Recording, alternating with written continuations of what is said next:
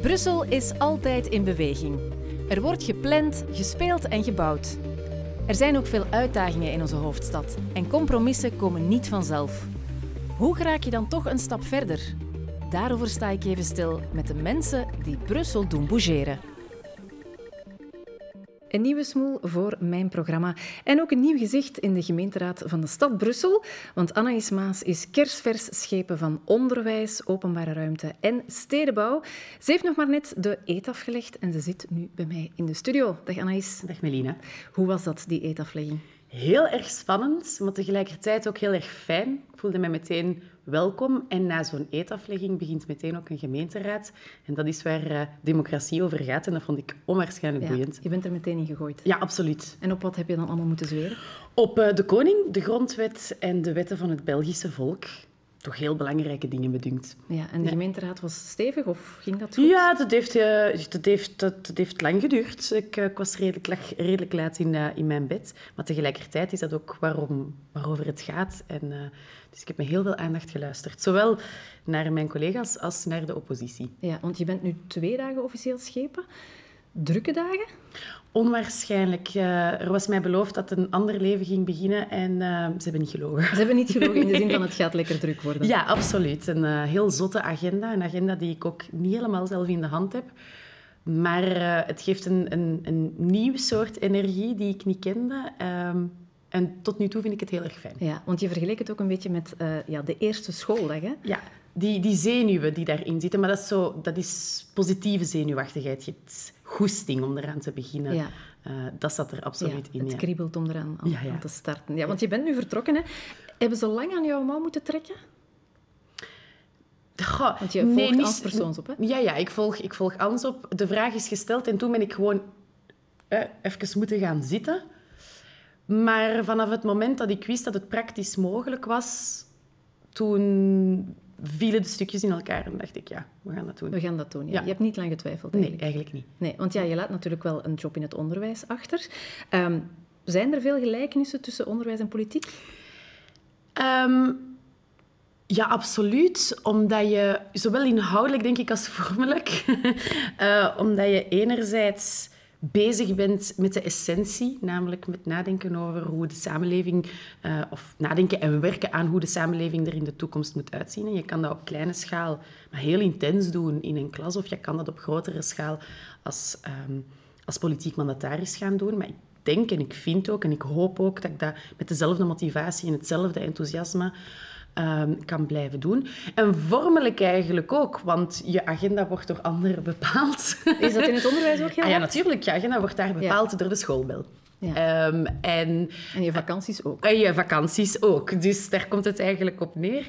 En je moet ook in het onderwijs, uh, zij het met een ander doel, mensen proberen overtuigen.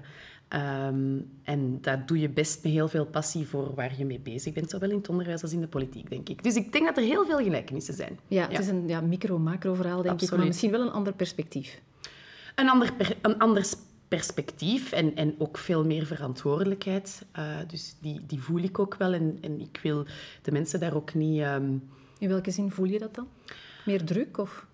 Nee, als er al druk is, dan, dan, dan, dan leg ik die mezelf op. Uh, omdat ik vind dat je, je, je oefent een ambt uit en daar hangen verantwoordelijkheden aan vast en daar ga je niet lichtzinnig mee om. Dus dat is ook mijn plan om dat heel serieus op te nemen. Ja, ja, ja. en met heel veel energie als in het onderwijs. Dat is de bedoeling, ja. ja. ja. En zijn er zo zaken waar je ja, als leerkracht op gevloekt hebt, die je nu eigenlijk als schepen kan aanpakken? Ja, op kleine schaal natuurlijk. Want er, heel veel zaken waar ik op gevloekt uh, heb, kan je natuurlijk op stedelijk niveau uh, niet noodzakelijk aanpassen. En dat zijn dingen die op het niveau van het ministerie van Onderwijs worden beslist. Maar ik voel wel al dat we op stedelijk niveau tools hebben om bepaalde pijnpunten wel um, te proberen... Zoals? Geef eens een voorbeeld. Uh, zoals de, de nood aan ondersteuning. Uh, bij leerkrachten, zowel in het begin van hun carrière als uh, verder uh, op de weg in die carrière, door, doordat we middelen in handen hebben om bijvoorbeeld ondersteunend personeel eh, ook aan te trekken. Dan gaat het over zorgleerkrachten. Zorgleerkrachten, maar evengoed uh, logopedisten of uh, psychologen of muzikanten die dan kunnen komen instaan voor muzische vorming. Want waarom zou je dat niet van een muzikant krijgen in plaats hè, van je, je juf of, of, je meester in het basisonderwijs? En ook op stedelijk niveau, um, zeker binnen de administratie, planlast wegnemen bij de leerkracht. Zodat, ja, dat, dat hoor je vaak. Hè? Ja, en, maar dat is jij daarop gevloekt, op de administratie? Ah, absoluut. Ik wou lesgeven. Ik, ik wou lesgeven en lesgeven betekent niet die 50 minuten in de klas. Lesgeven betekent dat je die 50 minuten optimaal kan voorbereiden en optimale nazorg kan bieden. Dus bijvoorbeeld door toetsen te verbeteren of door na te denken hoe kan ik het beter aanpakken tijdens de volgende les. Maar die tijd moet er zijn en die is er heel vaak niet, omdat je met andere taken bezig moet zijn.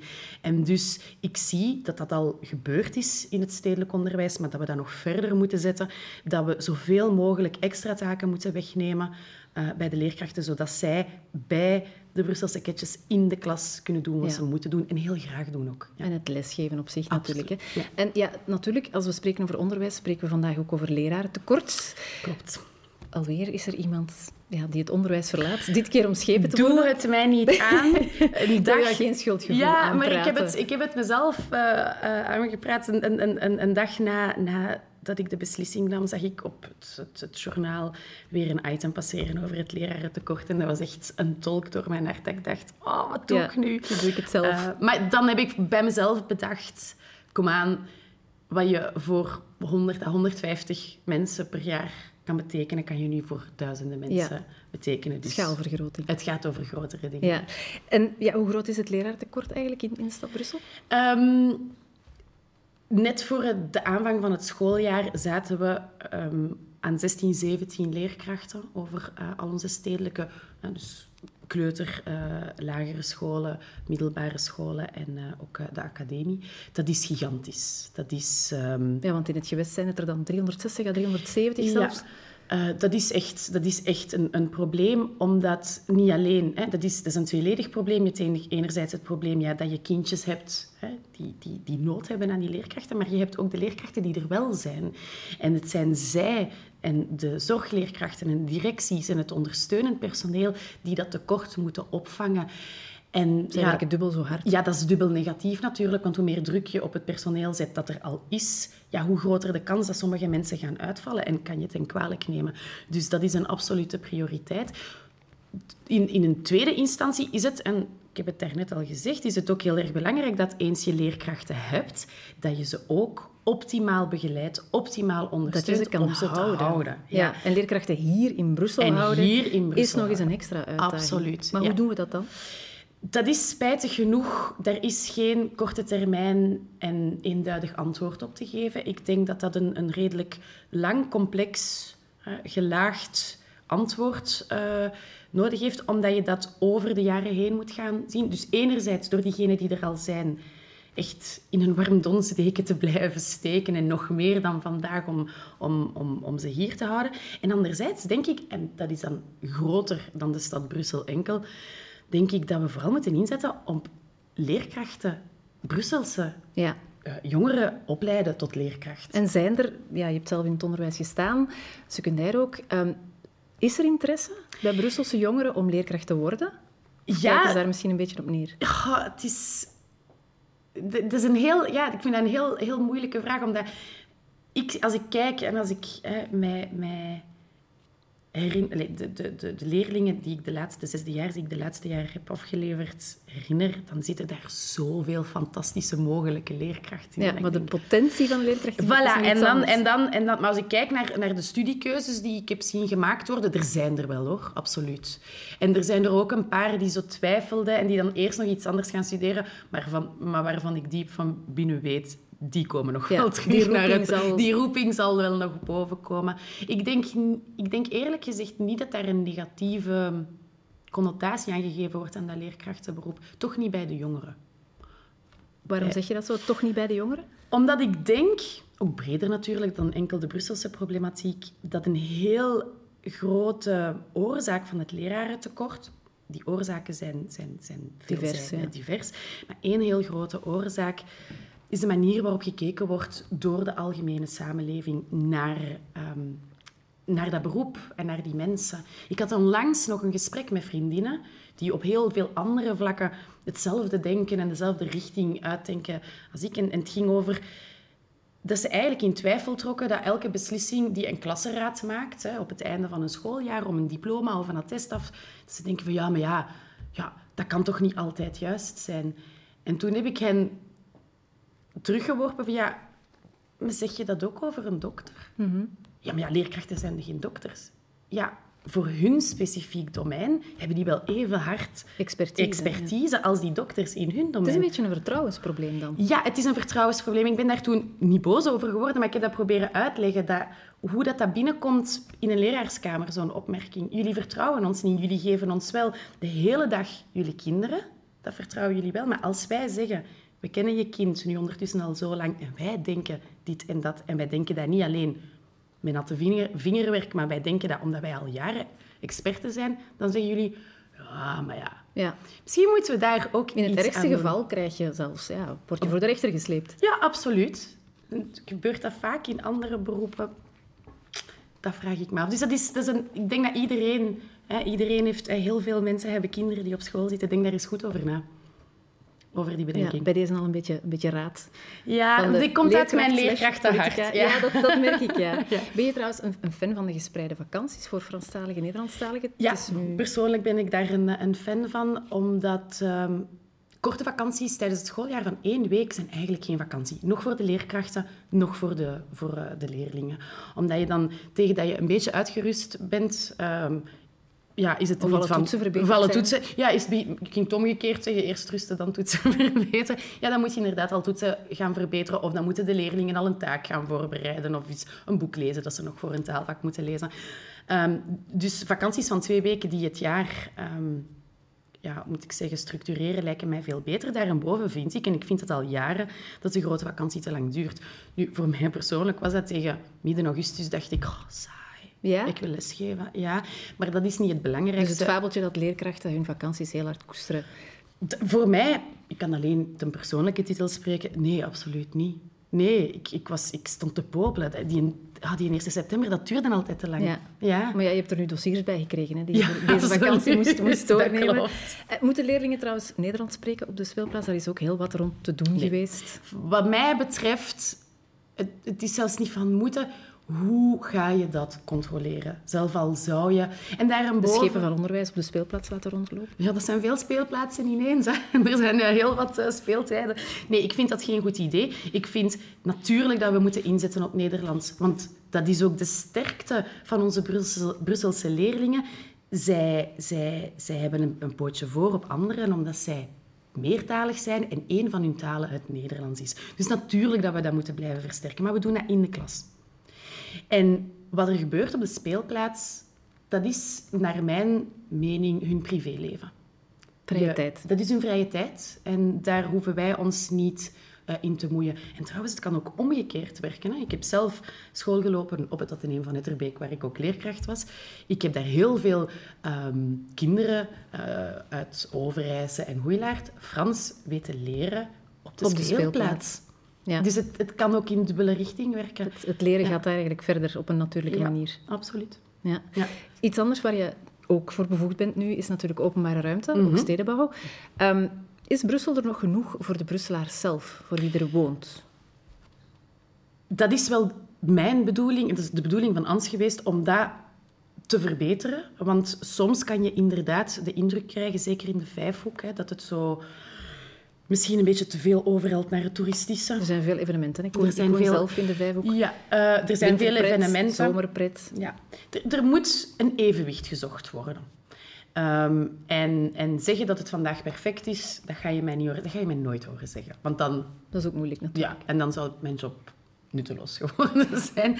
Ehm, dus we moeten, en Ans heeft dat zeker al gedaan, en, en dat is zeker ook mijn bedoeling, naar een gezonde mix van ja, toerisme. We zijn natuurlijk een, een prachtige stad, dus waarom zou je geen toeristen aantrekken? Maar ook wonen, zeker wonen en werken. En die drie dingen moeten in een gezonde mix zitten. Ehm, dat betekent zowel als het gaat over evenementen, als het gaat over het gebruik, het gemeenschappelijk gebruik van de openbare ruimte. Maar dat gaat bijvoorbeeld ook over stedenbouw. En het gaat bijvoorbeeld ook over regels rond verblijven hier. Hè. De, de, de strijd tegen de niet, Dan heb je het over Airbnb. niet eerlijke Airbnb-praktijk. Niet, niet alle Airbnb-verhuurders zijn niet eerlijk, maar sommige Ja. Wel. En, en dat zorgt voor een soort van ja, Airbnb-zering van de stad. En daar, daar, daar kan ik ook absoluut niet mee leven, want een, een stad moet bruisen en een stad moet leven. En als je dat proces te ver laat gaan, dan ga je een steriele stad krijgen. En dat, is, dat wil ik niet. Nee, daar zijn we niet voor natuurlijk. Je bent zelf ook geboren en getogen in Brussel. Hè? Ja. Ehm, wat is er volgens jou te goede veranderd in al die jaren? Ah, dat centrum is toch heerlijk? En heb je Eh, het over de voetgangers? Ja, de voetgangerszone, die we trouwens, hè, en eh, anders heeft dat in de stijger gezet, maar die we trouwens eigenlijk aan het vertakken zijn. Hè. Als je goed kijkt naar de, de, de straten die, aan het, die, die in heraanleg zitten, nu al, of waar de projecten eh, zeer binnenkort gaan starten. hè. Ik denk aan de Sint-Katelijnenwijk, ik denk aan de Nieuwe Graanmarkt, ik denk aan de Adolf Maxlaan. Dat zijn eigenlijk vertakkingen eh, van, van die voetgangerszone. Dus daar is iets in gang gezet. Tien jaar geleden, want ik herinner mij dat mijn dochter eh, nog een baby was bij die eerste Picnic the Streets. En dat is een proces dat niet meer tegen te houden is. Ik denk dat de Brusselaar zich ook heel moeilijk... Ik weet niet, ik vraag het aan jou. Kan je het nog inbeelden dat die auto's over de Anspach Dat is heel bizar, want ik heb daar zelf ook ooit gereden met de Ja, ja, auto. ik ook. En dus Ja. als je nu voorbij de beurs stapt, dan is dat van, ah ja, dat is waar, dat is hier... En dan stond je zo voor dat licht en moest je zo links. En dat duurde ook heel lang, je stond er altijd vast. Ja, ja, voilà. Dus dat, dat vind ik... De stad heeft in de laatste tien jaar, zeker de binnenstad, een andere smoel gekregen. Dus daar ben ik heel grote fan van. En dat is een proces dat ik zeker wil verder zetten. Maar ik vind ook dat we eh, binnen de stad Brussel oog moeten hebben voor de wijken. Want die, die binnenstad is natuurlijk heel erg belangrijk. Maar er zijn ook wijken zoals Neder-Overeenbeek en Ja. Laken en de Europese Die wijk. voelen zich soms een beetje stiefmoederlijk behandeld. Ja, maar daar, daar, dat, dat mag niet. Hè. Daar moeten we, daar, ze, ze, ze zijn evenwaardig. Wij zijn een heel grondgebied, het is niet alleen de Vijfhoek. Dus daar zijn, staan ook heel veel eh, plannen voor klaar, hè, die vooral gaan over vergroening, over het leefbaarder en aangenamer en aantrekkelijker maken van die wijken. Om daar, net zoals ik daarnet zei, een, een, een gezonde, bruisende mix voor de inwoners en de gebruikers van te Ja, maken. En wat met de overlast? Want ja, bijvoorbeeld, we hebben nu de ja, situaties Noordstation, Zuidstation. Brussel zit daar natuurlijk ook tussen. Klopt. Ik heb het zelf ook een beetje zien toenemen in de tien jaar dat ik daar nu woon in het centrum. Meer mensen die dakloos zijn, meer druggebruik op straat. Het is een hele boterham die ook niet alleen door jou moet, eh, moet aangepakt worden, maar Ja, wat maar- is jouw prioriteit? Mijn prioriteit is in één woord samenwerking. Ehm, ik was als burger daar al geen fan van en ik zal daar nu ook geen fan van zijn, namelijk van het naar elkaar toeschuiven van verantwoordelijkheden. Daar wint niemand iets mee. En nog in het laatste geval de burgers of de mensen die met een drugsproblematiek zitten. Eh, ik heb op mijn eerste gemeenteraad gisteren Philip Kloos, onze burgemeester, ook dezelfde boodschap horen brengen. Dit is een zeer complex probleem.